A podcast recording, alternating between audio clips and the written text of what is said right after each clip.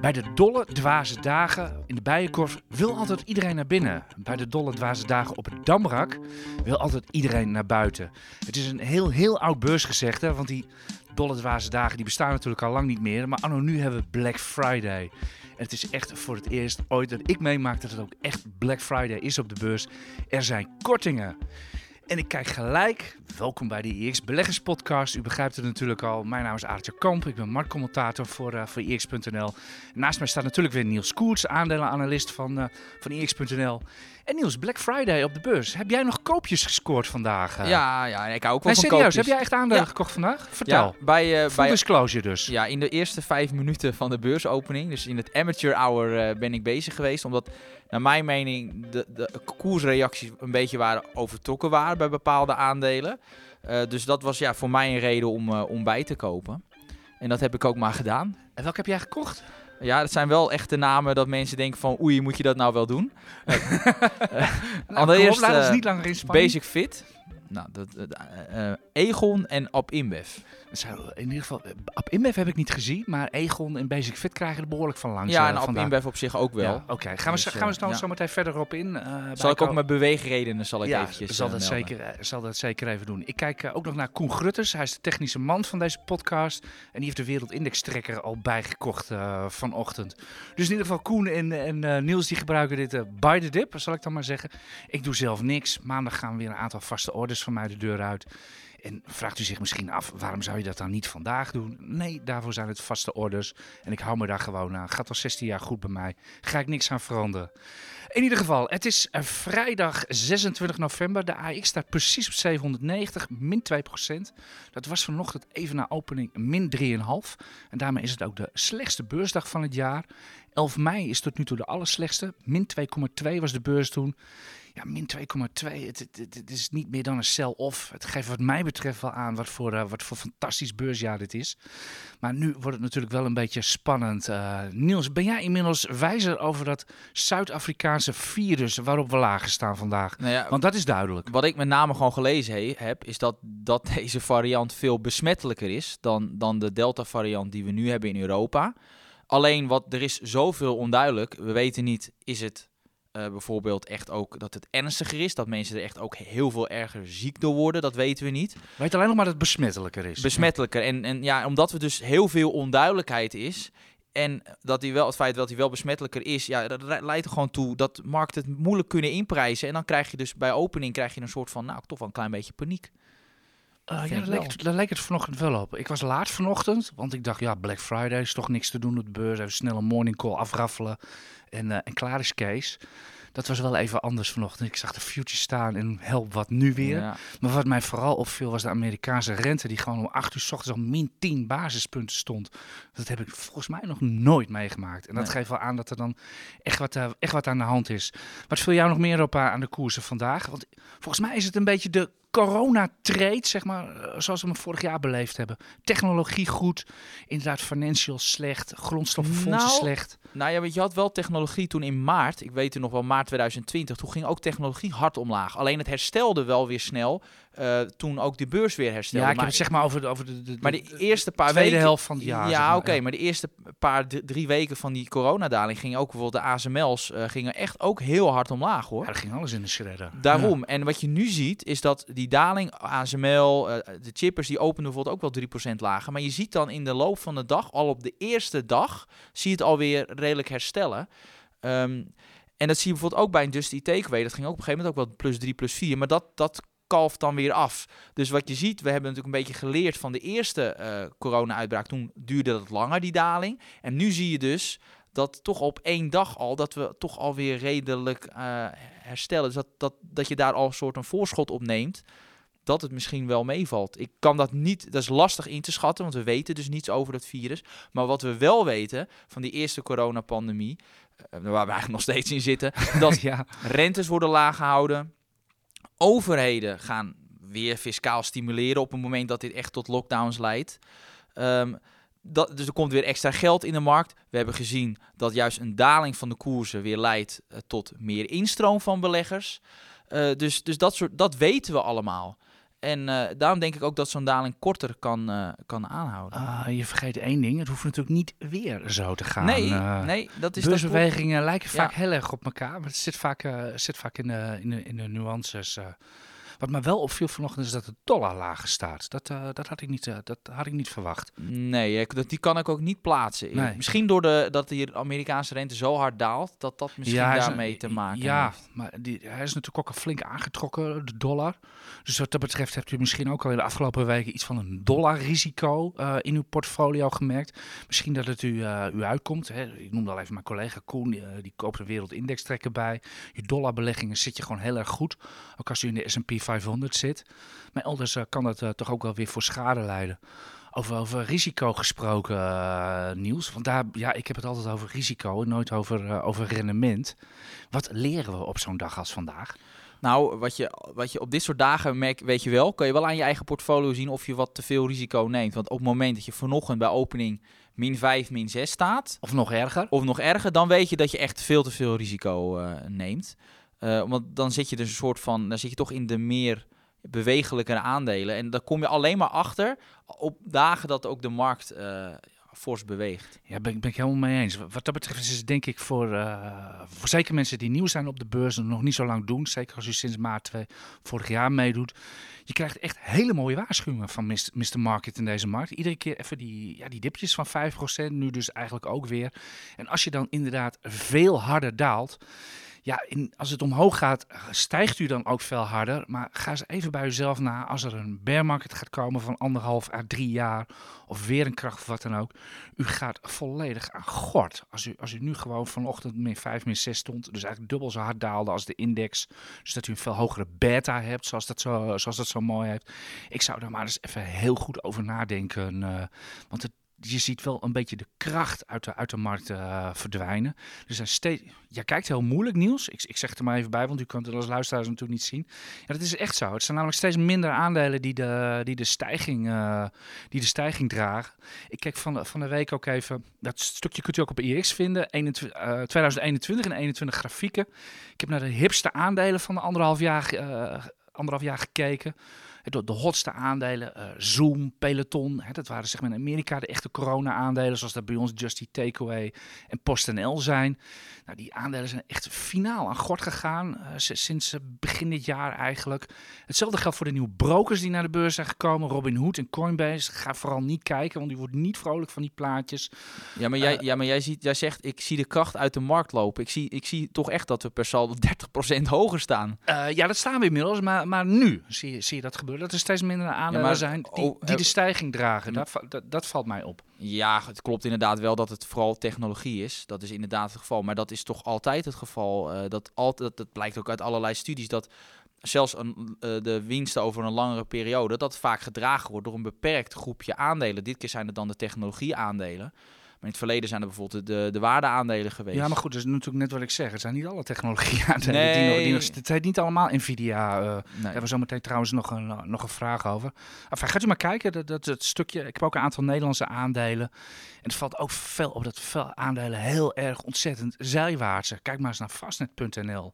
Of naar is echt- Fastnet.nl, kom daar nou Nou, bij. dan kom je op de investor relations site. Daar kunnen ze dat allemaal heel mooi uitleggen, denk ik. Dan kijk maar, in ieder geval kijk maar eens bij Fastnet of bij, eh, bij NIO, eh, waar toevallig Shell een deal mee heeft gesloten deze week. Dat is ook wel grappig, eh, grappig nieuws. Dat is echt allemaal zo zijwaarts, zijwaarts als wat. maar die verdienen geen geld. Onderaan de streep. Ja, dan is het ook logisch. Daar komt de fundamentele analist in, Ja. Niels, meteen weer, weer bovendrijven. Kun je nog even die aandelen toelichten die jij hebt bijgekocht? Nou, met name de, bijvoorbeeld mijn aankoop Basic Fit zou ik wel willen, wi- wel het, willen toelichten. Want kijk, wat mij altijd om gaat is, die, deze nieuwe variant, als je die beslissing neemt, gaat, die tot, gaat dat tot schade leiden bij de, bij de onderliggende bedrijven? Da, dat is het eerste waar ik over Over nadenk. schade, hebben we het niet over de koers, hebben we Nee, het echt over de business. bedrijfsschade. Ja. En dan zit ik te denken, ehm tuurlijk, het is besmettelijker, dat is wat we weten. Maar gaat dit dus leiden tot bijvoorbeeld eh, sluitingen van sportscholen? Algehele sluitingen. Daar kun je een antwoord ja of nee op beantwoorden. Mijn visie is dat dat waarschijnlijk niet zoveel impact heeft. Want wat willen overheden? Overheden willen dat we ons laten vaccineren. Ja, eh, we gaan ons niet laten, eh, laten vaccineren op het moment dat voor iedereen alles dicht gaat. Want dan maakt het niet meer zoveel uit of je of je, je vac- vaccineert, ja of nee. Uiteraard wel voor je gezondheid, maar de mensen die niet gevaccineerd zijn, als je die er echt toe wil laten dwingen dat ze gevaccineerd worden, ja, dan moet je ze. eh, Ik vind het wel een heel ingewikkeld scenario worden. nee, maar ik, ik kijk dus van overheden willen dus dat. eh dat Jij mensen- denkt gewoon niet dat Basic Fit weer dicht gaat. Nou, dat is dus wel mijn inschatting. Dat, dat, ik kan me dus niet voorstellen dat sportscholen weer echt maandenlang eh dicht zitten. Dat kan Oké, dus jij koopt ze op de daling. Oké, Egon. Die zag ik trouwens net als, net als ING. Dat ging echt ruim min 10 vanochtend. En Frans KLM trouwens ook. Unibel moet je helemaal niet kijken. Nou, ik, ik, kocht Dus, hem, eh, ik kocht hem bij op, op min 7 en ik, ik weet nog, twee minuten later was het al min 11. dat is altijd het risico. getimed. Dat is altijd het risico als je hem bij opening koopt. Alleen mijn inschatting is nog wel, nu staat hij ongeveer min 9. Ja, ik vind, oké, een, een, een 10 basispunten eraf bij de Amerikaanse rente, dat is fors. Maar dat is natuurlijk niet de, dat is natuurlijk niet de reden om een, een aandeel Egon 9% lager te, te zetten. Dat, dat gaat wel echt heel ver. Ook omdat verzekeraars eh, in, aan zich nog niet eens zo heel veel last hebben gehad van, eh, van de coronapandemie. Ik weet nog bijvoorbeeld bij ASR, die hebben letterlijk gezegd toen bij hun halfjaarcijfers van nou, per saldo hebben wij hebben geen impact gezien. Oké. Maar goed, in ieder geval eh, wel even die Amerikaanse rente in, in de gaten houden. Want die is zeer, eh, zeer van invloed op de, op de koers van, eh, van Egon. Het is niet één op één, maar er is echt wel degelijk correlatie En op InBev is natuurlijk een brouwer. Kijk, als, dan echt, als je echt wereldwijd weer lockdowns krijgt, ja, dan. Ja, dan wil je toch niet in Appel InBev zitten, Niels? Nee, maar dat, zit ook wel aardig in de koers verdisconteerd. Want het aandeel noteert zo'n beetje tegen de laagste koers in jaren. En, en ja, dit is wel een bedrijf wat hoge marges maakt. Dus stel, eh, we hebben het ook wel eens, dat is misschien iets Ja, ja, je ziet het gewoon als buitenkansje dit. eh, Buitenkans, ja, zeker. ja. Met andere woorden, jij denkt, eh, als, je, als je technisch naar de AX kijkt, dan heeft het vanochtend met die 700, dat stond er op het bord, 780, 779. Ik denk precies de onderkant van het hele opgaande trendkanaal. Echt, echt sinds maart, eh, maart vorig jaar. Volgens mij hangt hij nog net in de opgaande trend. Ja, het zou best wel kunnen zijn dat we nu weer een ritje omhoog gaan maken naar misschien wel AX eh, 850 of wat dan ook. Maar goed, stel dat de, wereld, de Wereldgezondheidsorganisatie, als ze zeggen van, eh, nou, dit is een extreem gevaarlijk virus en eh, we gaan er bijna allemaal dood aan, dan eh, hebben we een Ja, dan probleem. wordt, het, dan, wordt het, dan wordt het wel even anders. Er kunnen inderdaad wat dat betreft nog rare Maar dan heb je ook- gaat verschijnen Oh, vandaag of dit ja. weekend. En, dus, Dus dat ja, weten wij niet. Maar het is gewoon een bij, als belegger maak je gewoon een bepaalde inschatting. Ja, je kan goed zitten of fout. Oké. We hadden er trouwens wel... Jij hebt het eigenlijk al een beetje, een beetje beantwoord. Eh, we hadden namelijk vragen over op, op Twitter. Ik vroeg mensen van, eh, moeten wij nog iets speciaals behandelen in deze, deze podcast met, eh, met al die rode cijfers op het bord? Werd naar onze strategie gevraagd, wat wij zelf doen. Nou, je hebt het zelf al een beetje eh, geduid, eh, Niels. Hè, jij beheert natuurlijk de portfolio voor de hele familie, voor de hele FC Koert zo ongeveer. Ja, zo'n beetje En dat is echt een lange termijn portfolio. Ja. Hè? Dus eh, en verder is het gewoon, laat je gewoon eh, scheren en knippen en stilzitten. Ja, kijk, de, eh, kijk 80, 90 procent van de portefeuille blijft gewoon zoals het is. Ja, dat, dat, ook een daling als dit, daar doe je niks mee. Ga, ja, dat is gewoon lange termijn aandelen, dus daar doe je verder niks mee. Ja, ik heb het zelf natuurlijk ook al een beetje meer en meer gezegd. Mijn eigen vaste orders gaan maandag weer de deur uit. Ja, ik weet dat dit soort dagen komen. Ja, ik ga dan stil zitten, want ik word geschoren. En eh, dat hoort er gewoon bij. En eh, als koersen niet, eh, niet kunnen dalen, kunnen ze ook niet stijgen, is mijn motto. Dus ik doe daar verder eigenlijk helemaal niks mee. Tenzij we gewoon echt min 10, min 20 gaan, dan denk ik er ook wel aan om weer eens even een plukje te gaan bijkopen. Maar zover ver is het nog niet. En we noemden het natuurlijk al even van, kijk nou eens even heel kritisch naar uzelf, naar uw portfolio. Ga u niet afvragen of de koersen hoger of lager gaan. Daar krijgt u nooit antwoord op, op die vraag. Die, dat antwoord heeft ook niemand. Dat is nog nooit gebeurd. Steek daar geen tijd en energie in. Maar kijk goed naar de portfolio. Nou, portfolio. Waar zitten uw risico's? En eh, ja, bouw dat mogelijk wat af. En eh, dat is eigenlijk het eh, meest zinnige, denk ik, wat we erover kunnen zeggen. En verder, als u in dit soort markten er meteen uit wil, wat dan ook, ja, leg gewoon een stop los onder uw portfolio. En, en verhoog die met iedere, iedere nieuwe high. Ja, maar waarom zou je... Ik heb altijd met stop lossen, dat heb ik altijd... Ja, ik heb daar helemaal niets mee, want als jij alleen maar... Nee, maar puur- wij, wij zijn beleggers, eh, Niels. Maar als je handelt, dan kan een stop ja, los geen kwaad, dan hoor. alleen al voor de handelaren. Ja, maar beleg- voor voor- beleggers is dat wel anders. Ja, maar die, die termen lopen vaak door elkaar heen. Hè? Er zijn genoeg mensen die zijn belegger en noemen zichzelf handelaar, plus, plus andersom. Ja, dat, zijn- dat zijn natuurlijk geen vaststaande, eh, vaststaande termen. Maar als je echt voor ritjes in de markt zit of wat dan ook, om een bepaald koersdoel te halen of, of zoveel procent, ja, nou, dan is het wel zo verstandig om met stoplossers te werken. Dan weg je natuurlijk niet helemaal op fundamentele basis, maar echt op technische basis. Kijk, dan moet je, ja, dan, maar dan moet je met, eh, met, wel met, met, met stoplossen werken. Maar als jij puur van fundamenteel kijkt en een bedrijf presteert nog net, net zo goed als gisteren, maar de koers gaat min 10, dan ga je natuurlijk niet verkopen omdat de koers 10% is gedaald, omdat hij dan onder een stop-los is gegaan. Nee, nee, nee, dat nee, is het domste wat je dan kan doen. Nee, nee, nee. Maar goed, het is natuurlijk, ja, er zijn nu eenmaal eh, duizenden en één takken van sport mogelijk eh, op de beurs. En het is eh, voor ons onmogelijk om iedereen op zijn op zijn wenken en à la carte, carte bedienen. In ieder geval zijn dit wel dagen dat u leert beleggen. Dat, want dat, eh, want dat, is, dat is natuurlijk wel zo. In een opgaande markt leert u echt niks hoor. Denkt iedereen dat die geweldig is. Maar dit zijn de dagen dat even de jongens van de, eh, van de mannen worden onderscheiden. Zullen we het hier maar even bij houden wat betreft eh, Black Friday, Niels? Helemaal goed, want we hebben nog veel meer nieuws. Hè? ja, eigenlijk wel hè. Inflatie. Ja, moeten we, we behandelen altijd eerst de brede markt. Eerst, Ja, zeg ik, we zijn al een kwartier onderweg. wat viel jou van de week allemaal op, eh, zeg maar, op de beurs? Nou ja, de, volgens zelfs, nou, als zelfs mevrouw Lagarde zegt dat misschien de inflatie toch allemaal wat langer aan, aanhoudt dan verwacht. Maar daar had ik toch niet zomaar van de verwacht. Eh, Maar ze doet niks. Nee, er komt volgend, volgend jaar geen renteverhoging. En die, die opko- opko- opkoopprogramma's die blijven ook in stand. Er was natuurlijk ook nog dat PEP-programma. Dat was echt het, het specifieke eh, emergency program.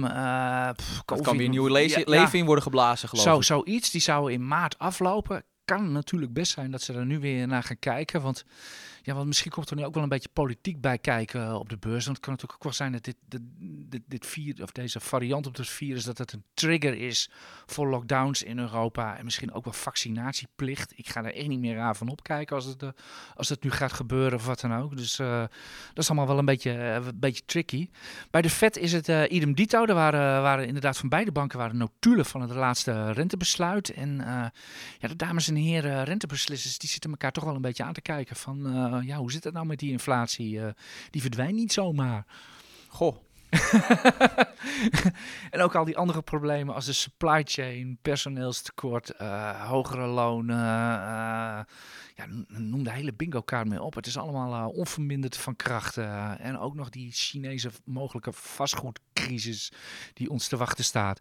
Het is altijd makkelijker om beren op de weg te bedenken dan kansen in de markt te ja, zien. maar hè? ik, ik geloof dat wel. Ik kwam laatst een keer een, een, een, afbeelding tegen en daar stond eh, de boelmarkt heel mooi in beeld, met, maar met wel met alle, alle gevaren die erbij stonden. En dat was een beetje iedere, iedere jaar waren er wel weer tal van bedreigingen, maar de koersen gingen gewoon per saldo omhoog. Ja, dat, zal, ja, dat zijn altijd de leukste grafiekjes, ja. Ja, dus je, je had honderd redenen om te verkopen. Iedere keer was er wel wat. eh, Of het was brexit, of het was weer een renteverhoging, eh, nou, corona. Er was, iedere keer was er wel iets. Maar per saldo gaan toch gewoon de koers omhoog. Ook omdat bedrijven gewoon meer winst maken. Ja, en dat is. we- Weet je, dat is eigenlijk, al- eigenlijk maar de enige reden om aandelen te kopen. Omdat bedrijven gewoon steeds meer winst maken. En, en dus meer dividend gaan betalen. En dus meer aandelen inkopen.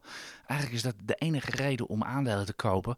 En verder kan je iedere dag 1 miljoen redenen verzinnen om ze te verkopen. Heb jij dat ook? Ja, nee, helemaal goed. Maar dat is ook de Ik, ik reden. weet zeker, als wij nu gaan brainstormen, en eh, doet je dat thuis ook, maar ga maar brainstormen. Schrijf maar de punten op, wat nu een reden is om aandelen te kopen en, en een reden om aandelen te verkopen. Die, die verkoop blijft twee keer zo lang, weet ik zeker. Ja, nee, dat klopt. Maar dat, de reden dat, dat, dat als je kijkt vanaf 1700 tot nu, wat de grafiekjes van linksonder naar rechtsboven loopt per saldo. zelfs 1600 zeggen. 1600 van linksonder naar rechtsboven. Ja, omdat het per saldo naar boven loopt, komt dus gewoon omdat bedrijven geld verdienen. En dat gaat naar aandeelhouders. En eh, ja, dat moet ik bij eh, Bitcoin nog maar even zien, bijvoorbeeld. want dat, dat werd ook eerder altijd gezien dat Bitcoin misschien nog wel eens een hedge kan zijn. Nou, niet als er paniek is op de markten, want je ziet dan ook Bitcoin 6, 7 procent Ja, het is vandaag, eh, het is vandaag risk-off op de beurs, zoals dat heet. Even geen risico, dus hè, in, die, in die veilige staatsobligaties. Je ziet inderdaad, ik weet niet hoe het nu is, want als er iets volatiel is, is het wel crypto. Maar dat stond op een gegeven moment ook min 6, min 9 vanochtend. Dus daar valt het risico valt daar ook, valt daar ook volledig.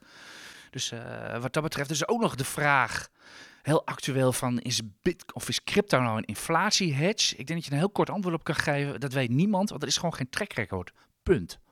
Nee, Ben je het daarmee eens ja, of daar ben niet? ik het wel helemaal mee eens. Ja, gewoon, er is gewoon geen track record. De rest is gewoon allemaal, eh, ik denk, ik vind, ik hoop, ik verwacht, eh et cetera. En is dus niet zo heel erg eh, relevant. Zullen we gauw naar de aandelen gaan voor deze week? Of Ja, wil je is nog iets over helemaal de goed. brede markt Nee, helemaal goed. Het was eigenlijk alleen maar ook, ja, inderdaad, wat, wat centrale banken nieuws. En wat meevallende inkoopmanagers uit, uit Europa. Dus de economische activiteit is hier nog wel aardig.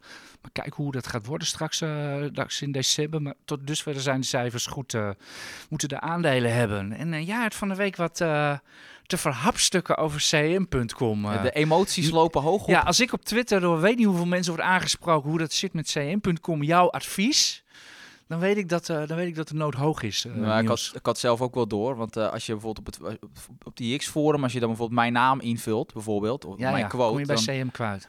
Oké. Ook, ja, maar dan, dan, dan krijg ik zo'n zo'n melding daarvan in mijn mail. Dat heb ik ingesteld. Nou, bij, dat had ik bij cm.com beter niet kunnen doen, want ik kreeg gewoon ieder uur meerdere berichten, weet je wel. Dus, dus nee, maar dat, dat heeft ermee te maken dat de koers uh, niet de goede kant op gaat. Even, even ter memorie. Jij hebt op 19 juli heb jij een koopadvies voor, uh, ja. voor cm.com uh, heb je afgegeven en dat was ongeveer op 32? Ja, 31,5, 32. 31,5 euro. Wat is er sindsdien allemaal gebeurd dat, half, dat de halve koffiekamer achter je aan zit? Nou, eerst ging de koers 30% omhoog zo'n beetje. En toen weer omlaag. en uh, de koers staat nu ongeveer 10% eronder. Maar uh, ja... Dat, Mag ik één keer raden? Je was eerst de held en nu ben je de slemiel. Ja, zo werkt dat, hè? Ja, vraag gewoon af van de stolpen maar van Galapagos hoe dat werkt. Ja, ja, ja, ja, ja en ik was ook zo, zo verstandig toen hij omhoog ging... nog even mijn koersdoel iets verder omhoog uh, te, te, zetten. Ja, als het dan ja, de andere kant op Ja, loopt. je lacht er nou. Maar heb jij, ben jij, is, het, is het een beetje het, de, de, de stier naar je hoofd gestegen? Dat je koersdoel Nou. extra verhoogd hebt? Dus met andere woorden, dat je euforisch werd? Achteraf is dat allemaal makkelijk praten. Kijk, bij cm.com, als je het maken van een koersdoel bij cm.com is gewoon bijzonder lastig, omdat ze nog onderaan de streep nog niks verdienen. Dus waar kijk ik onder andere ook naar, naar hoe bijvoorbeeld sectorgenoten gewaardeerd zijn. Daar baseer ik het mede op. Je kijkt uiteraard van, nou, wat zijn de uiteindelijk de winstmarges die cm.com ja, kan noem, maken. Noem eens wat sectorgenoten, waar moet je aan denken? Twilio. En je hebt ook uh, Live Person en Bandwide heb je. Ja, dit zijn die laatste, hoe je dat uitspreekt, geen idee. Maar de, op basis, je, ik kijk ook echt naar de waardering. Hoe zijn die aandelen gewaardeerd? Want dat, ja, je moet er wel naar kijken bij ja, wanneer je zo'n koersdoel maakt. En wat is er sindsdien gebeurd sinds juli? Ja, zijn gewoon die waarderingen van die bedrijven gemiddeld met zo'n 30, 40 procent gezakt. Waarom? Nou ja, omdat dat is het aparte. De, de, de consensus, hè, als het gaat om de groeivooruitzichten, die zijn intact gebleven. Want ik had dat opgeschreven destijds en die zijn Ja, nog hetzelfde. De consensus van de analisten Juist. aan. Alleen de aandelenwaarderingen zijn gewoon heel hard gezakt. En, en, en, en, en wat je dan krijgt is omdat die sector omlaag gaat, die sectorgenoten die zijn groter dan CM.com, is het ook logisch dat een bedrijf als CM.com daarin meegaat. Het grappige is wel dat CM.com minder hard is gedaald dan die andere drie, terwijl CM.com wel de kleinste partij is. Normaal, als de, als de markt hard omlaag gaat in een bepaalde sector, zijn de kleinste spelers die gaan het hardst. Maar dat, dat heb ik niet gezien. Nee, nee, maar er is niet echt, echt een trigger waardoor, waardoor die aandelen ineens Nou, gaan wanpresteren. Het was wel zo dat bijvoorbeeld bij een Twilio, dat is dan de grootste partij, dat dan wel het bedrijf had gezegd, nou, nou wij verwachten wel dat de groeivooruitzichten iets minder rooskleurig uh, zijn. Dat zie ik nog niet in de analistenschattingen, dat zie ik niet. Maar het bedrijf zelf is wel iets uh, conservatiever geworden. En, en, dat heeft wel ook meegespeeld uh, met die daling, dat zeker. Oké, okay, maar wat is er nu uh, wat is er een fout gegaan dat jij gezocht wordt? Is dat puur omdat je uh, advies zeg maar niet uitkomt? Of, uh... Nou ja, wat waarschijnlijk meespeelt is het is ook hard gegaan. En ja, waar ik een beetje vrees is dat er toch mensen met te veel geld in het aandeel zitten. Die ik, indruk heb ik ook. Ja, en ik heb altijd gezegd, doe hier voorzichtig mee. Want je weet dat dit soort aandelen heel erg kunnen fluctueren. En dan moet je altijd een beetje maximaal 3% van je aandelenportefeuille. Want als die dan bijvoorbeeld 10% zakt. Had je dat echt ook in je stuk staan? Ja, letterlijk. Ja. Alleen ik, ja, vermoed, ik, ik, ik, ik, vraag, ik weet het, ik heb het zelf Ja. gelezen, maar ik, vraag ik vermoed dat mensen dat nog wel eens eh, bewust niet willen lezen.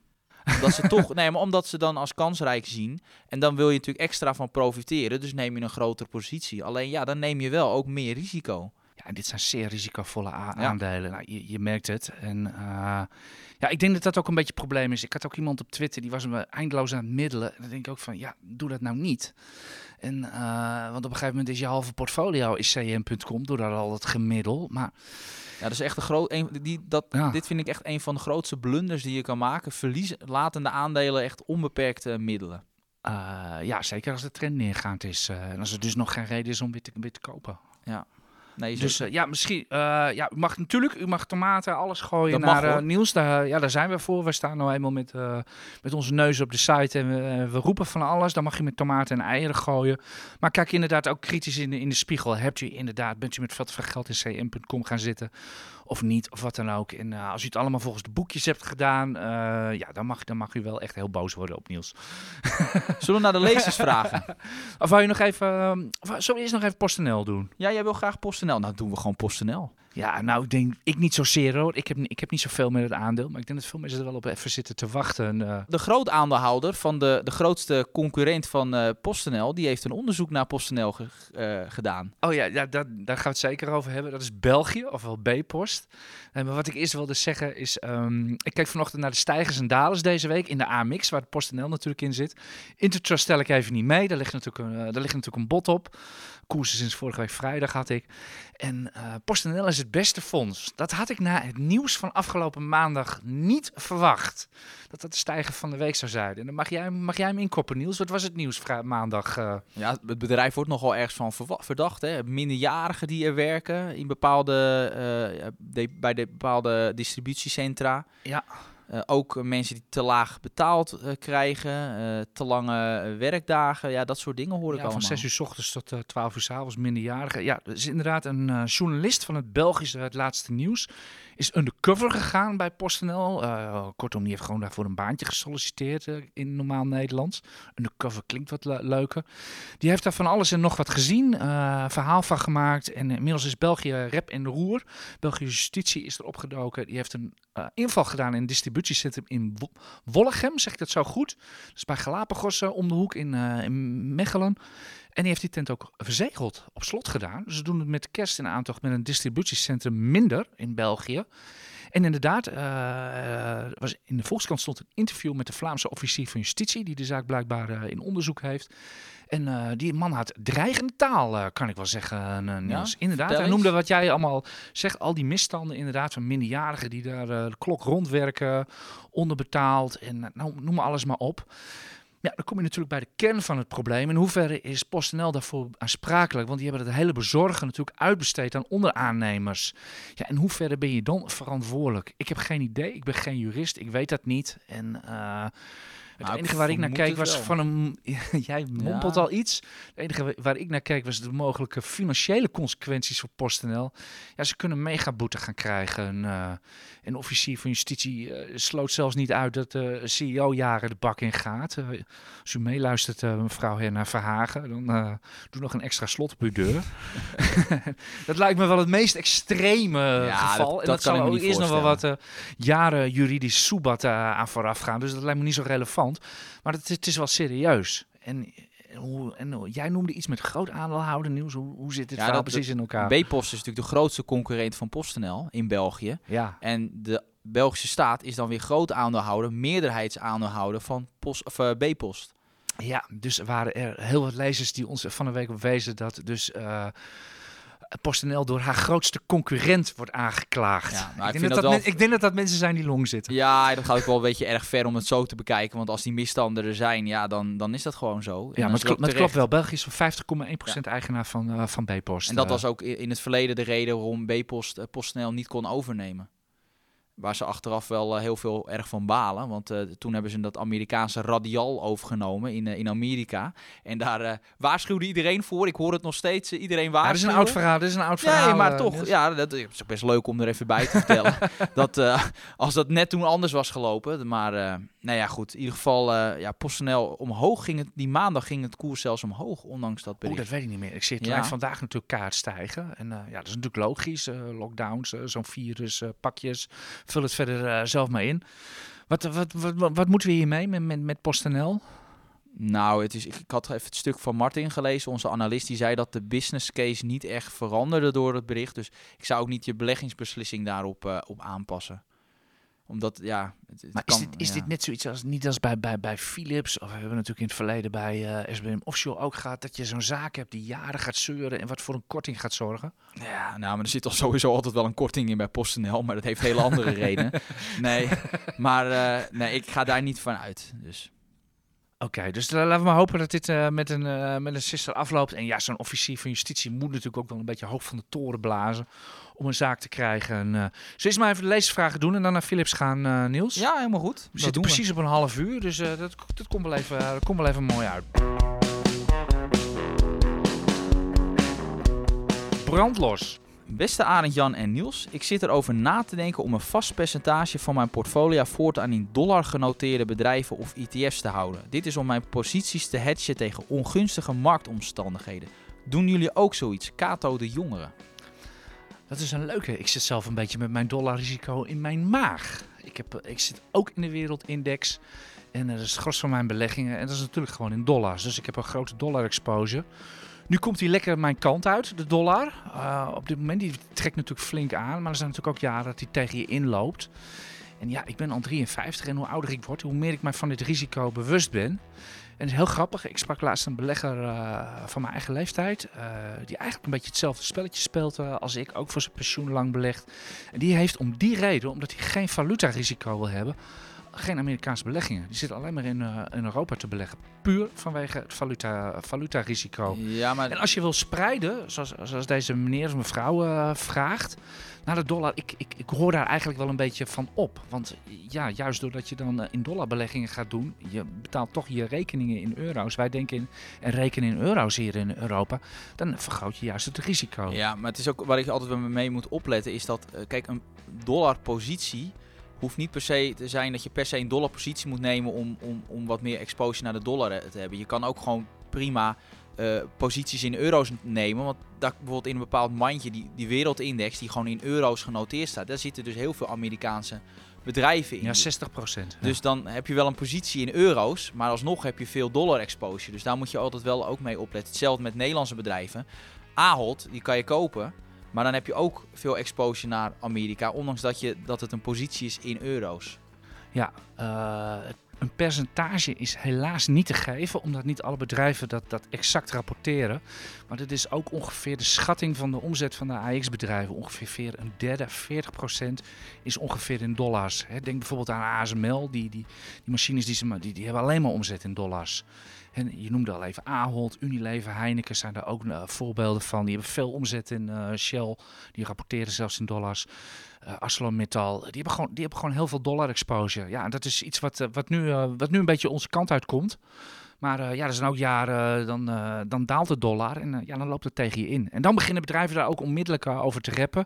Ik denk straks bij de jaarcijfers in januari dat geen enkel bedrijf het noemt dat de, dat de dollar dit kwartaal nee. in hun voordeel liep. Nee, het, het, is natuurlijk alleen maar aan hun eigen briljantie te danken dat het allemaal goed ging. Ik ga er altijd wel op letten hoor. Bij, nou, ja, dat, doen wij ook wel. Wij letten daar wel op. Met name ja. bij de eerste kwartaalcijfers moet je erop gaan ja, letten. Bij Unilever is er, letten we daar onmiddellijk op. En oké, okay, volgende vraag. Volgende vraag. Aandeelhouders van IBM hebben recent voor elke vijf aandelen één aandeel Kindriel Holdings gekregen. De koers van dat aandeel sinds de introductiedatum echter alleen maar gedaald. Wat moet je nu als kleine belegger doen? Stukken aanhouden of vasthouden van J.me heette. Ja, ik kon niet anders uh, uh, opnoemen. uh, ja, nou, wat ik, ik, ik, nou, dat is wel wat je vaker Jij ziet. beantwoorden, want ik weet ja, niets van. Nee, ik ken ja. ook dat hele Kindriel Holdings ken ik helemaal ik niet. Ik vond het op het begin al geen naam. Nee, maar ik, wat ik er wel van kan zeggen is dat vaak wanneer je hebt een afsplitsing van een bepaald bedrijf, dat die inderdaad het vaak het eerste drie, vier, vijf maanden ligt die heel slecht. En dat komt omdat beleggers die zitten bijvoorbeeld in IBM omdat ze IBM willen hebben. Precies. En die zitten niet erin omdat ze dat Kindriel Holdings willen hebben. Dus wat gebeurt er vaak? Dan verkopen ze dat plukje Kindriel Holdings, verkopen ze. En dat zorgt voor kunstmatige verkoopdruk. Dus ja, kijk, als het een klein plukje is, ja, ik, ik zou het gewoon aanhouden. Ook als het, ja, weet je, je betaalt anders toch weer transactiekosten. Ik, ik weet nog, ik heb zelf een, ooit van een afsplitsing van BHP Billiton in 2013. Dat heb ik ook nog steeds in mijn portefeuille. Ik weet begot niet het, wat het is. Het heet een SAUF 32 of zo. Ik weet begot niet wat het is. Het, is iets, het is genoteerd in Australië, dus ik kan het überhaupt Zal het iets met grondstoffen zijn dan? Ja, ja, jawel. Dus ik weet het niet, maar ik denk, laat maar staan. Want het is een klein bedrag. Dus ja, ik, ik zou er gewoon niet meer naar omkijken als het ja, een klein ik bedrag straks is. natuurlijk wel bij, uh, bij Aal Delhaize en bol.com. Dus ik ben benieuwd hoe dat, uh, hoe ja, dat gaat. maar dat is anders. Dat is wel iets heel anders. ja, dat is, dat, waarom is dat anders? Even heel snel in één Nou, zin. dat kennen we.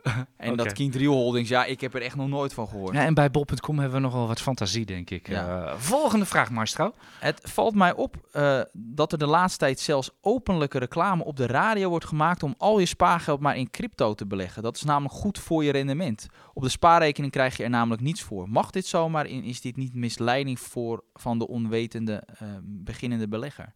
Ed Wiel heet deze meneer. Ah, het wiel uitgevonden dus.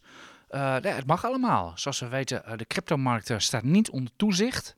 Hè, voor, banken en brokers geldt het als het om de aandelen, obligaties, zeg maar de gereguleerde markten, gelden zeer strenge regels wat dat betreft. Die zijn er gewoon niet voor de cryptomarkt. En dus kan alles en mag alles en gebeurt alles. Ja. Ik denk dat het heel simpel is. Ja, Ja. ja. of dat wenselijk is natuurlijk een tweede. Maar aan de andere kant, iedereen weet ook dat dat ongereguleerd is. Dus ja, ik, ik, dan ben ik ook wel van mening, ja, als het misgaat, dan is het ook gewoon eigen schuld, dikke bult. Eh, ja, ik bedoel, eh, ja, je kan veel rendement halen, maar je kan ook weer veel rendement eh, inleveren op, kijk maar vandaag. Dus ja, ik Ja. vind het eigenlijk wel, ja, ik- het, is, het zijn niet de reclames waar ik van houd, maar ja, het is, we hebben ermee te Ik dealen. heb, zelf, ik heb zelf een hele oude beurswijsheid. Koop nooit iets waarvoor reclame wordt gemaakt. Nou, dat is een goede om te onthouden. dat, is, dat is geen wet van mede en persen, maar je verwijt mij er wel heel veel ellende Ja. mee. Ja, Ja. ja. Ja, nee, dat is zo. Nu een vraag van, ja ja, The Big Short. jullie halen regelmatig in de podcast aan dat de spreiding van de portefeuille van groot belang is. Wat is jullie suggestie hiervoor? Ik zit zelf op 40% in ETF's en 60% in aandelen, voornamelijk in tech. Kijken jullie specifiek naar de industrie of ligt de nadruk op de verdeling naar gelang het risicoprofiel? Eh, B, die verhouding 40% trekkers en losse aandelen. Ik neem aan dat het ook aandelentrekkers zijn, dus dan maakt het niet zoveel uit. Nee. Of het nou in de trekker zit of, of losse aandelen, het risico is hetzelfde. Ja, het gaat om risico. Hè. Je moet natuurlijk, eh, daarom is indexbeleggen ook, ook eigenlijk wel heel aantrekkelijk. Zeker als je een grote index neemt als de S&P 500 of de wereldindex, de MSCI World, waar 1700 aandelen in zit. Dan heb je als het ware al een hele mooie mix van inderdaad de meest eh, hyper de pieper eh, technologie tot de meest duffe, saaie, eh, defensieve aandelen. En ook nog wel in een redelijke mix. Dus dan, dan heb je als het ware al die spreiding. Maar wat zie je vaak als mensen zelf aandelen gaan kopen? Je hebt ergens iets mee met technologie of met pharma of wat, wat het ook maar is. En dan heb je heel snel een overweging en dus een bepaald risicoprofiel.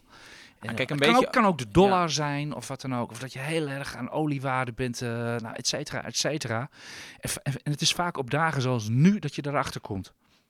Slotvraag eh, eh, aan mij. Hoe zien jullie het crypto-risico voor Nvidia? Een groot deel van de omzet komt uit gaming videokaarten.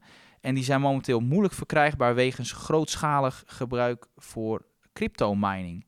Hij zegt er ook nog bij, in 2018 halveerde de koers van Nvidia nadat de cryptomarkt instortte.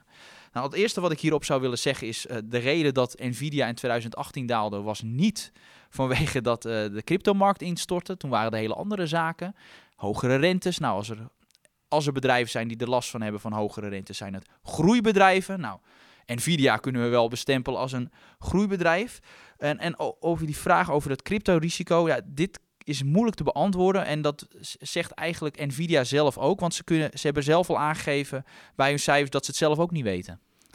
dus, eh, dus ik dacht, ik haal toch de, de vraag aan. Eh, ja, ik denk, dat- weten ik denk dat het wel meevalt. Ik bedoel, eh, Nvidia is in alle markten waar ze zitten gewoon onbe onbetwiste marktleider. Of ze maken de beste spullen. Videokaarten, AI-chips of wat dan ook. Ze zijn wat dat betreft ook wel breed gespreid.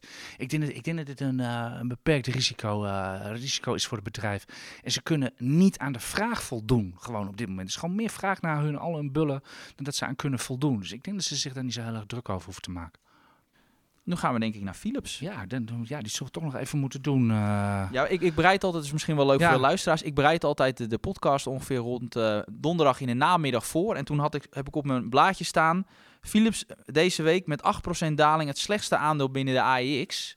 Alleen dat, eh, dat gaat hem niet meer worden.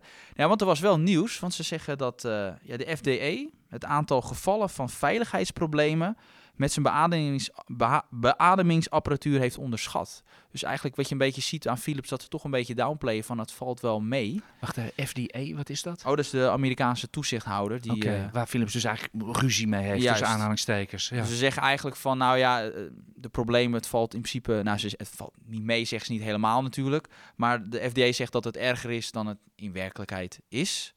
Uh, en wat het opvalt, wat mij opviel, was dat bericht kwam naar buiten en dat de koers daar totaal niet op bewoog. Wat zegt jou dat, AJ? Uh, ja, dat het wel ingeprijsd is met een groot vraagteken erachter. Of heeft het misschien te maken met uh, de CEO van Philips, meneer Van Houten, die heeft van de week hier een, uh, een conference call over gegeven met een aantal journalisten. Was, was jij daar ook bij of niet? nee. nee, je hebt niet, je hebt niet gezien, je hebt wel gezien wat eruit ja. komt. Had hij nieuws of... Uh, nou, toen hij dat had over uh, met, met die journalisten, is ook al een hele tijd geleden bij de, bij de jaarcijfers. Toen had hij het ook al over die uh, beademingsapparatuur, dat het wel meeviel met het, hoe, het aantal waarbij dat schuim afbrokkelde. Dus daar was hij het ook al aan het downplayen. Maar wat mij met name opviel was, omdat die koers niet bewoog, geeft me eigenlijk aan dat, dat toch de markt het, het, het bedrijf niet echt meer vertrouwt. Dat, dat toch dat dit soort berichten al niet meer worden aangegeven. Je zou denken, het is goed nieuws. Maar het, ja, ik, je ziet toch dat eerst zien dan geloven. Dat is nu een beetje wat er in de markt uh, speelt. Ja, en is het ook niet gewoon, uh, dat, dat, was allemaal nog voordat we vandaag onderuit gingen. Is het ook gewoon dat iedereen zo eens heeft, ja, Philips, daar is, is, van alles aan de hand. Als je koerswinst wil halen, kun je beter even een ander aandeeltje pikken op dit moment. Ja, ja, misschien voor de korte is, termijn Er is gewoon wel. geen reden om het aandeel te kopen nu. Of zie ik dat verkeerd? Uh, zolang die onzekerheid er is, uh, ja, zou ik het inderdaad nu niet aanbevelen. Dat heb ik vorige week inderdaad ook gezegd. Ja, want Alleen... we hebben het tussen iedere week over Philips uh, ja. met je. Dus nee. het is ook wel een beetje nodig. Ik bedoel, het komt van 50 euro af. Ja. Het is niet mis wat er aan de, aan de hand is. Dus... Maar ik moet wel toegeven, bij mij de koers een beetje onder de 33 gezakt. Dan begint het wel weer een beetje te kriebelen. Omdat de lange termijn vooruitzichten voor dit bedrijf zijn gewoon zo ongelooflijk goed. Alleen met dit soort uh, risico's die er nu in zitten. Ik, wil ook, ik sta nu ook wel zo in de wedstrijd. Ik wil eerst meer duidelijkheid over wat de schade eventueel gaat zijn. Dat ik in ieder geval een sommetje kan maken over eventuele rechtszaken. Hoe lang het gaat duren met het repareren van die apparatuur. Als ik een sommetje kan maken, kijk, dan kan ik daar ook weer een beter advies uh, voor geven. Oké, okay, dus je gaat nu niet bijkopen. Want, nee. want dat suggereer je nu een beetje. Nee, maar van, ik zeg het kriebelt wel. Ja, het maar kriebelt, dat betekent, okay. maar ik, ik, ik Je wil eens een som maken. Juist. Ik denk dat dat, uh, dat, uh, dat uh, heel verstandig is, sommen maken. Dat is sowieso, dat is sowieso al heel handig om te doen op de beurs. In plaats van te gaan denken van ik denk, ik hoop, ik verwacht of wat dan ook. Daar gaat u niet ver mee komen. In ieder geval. Nou ja, hoe het vandaag gaat aflopen, we gaan zien. Uh, is maar tot 7 uur open vandaag. Ik ben heel benieuwd wat de Amerikaanse particulieren straks zo vanaf 3 uur gaan doen. Of zij hun trekkers in het boek gaan gooien. En waar de WHO nog, nog vandaag of dit weekend mee gaat komen. Hoe dat nou precies zit met het virus. En verder, ja, we kunnen niet veel anders doen dan, dan afwachten. Dit was weer de IX Beleggers Podcast vanaf, vanaf Beursplein 5. 26 november wensen u, ja, we gaan geen leuke persconferentie horen, dat weten we nu al. Wens u desondanks toch een, uh, toch een prettig weekend en heel veel succes op de beurs. En uh, 2021 is nog steeds niet over. Wat gaan we allemaal nog meemaken? Bedankt en tot de volgende keer.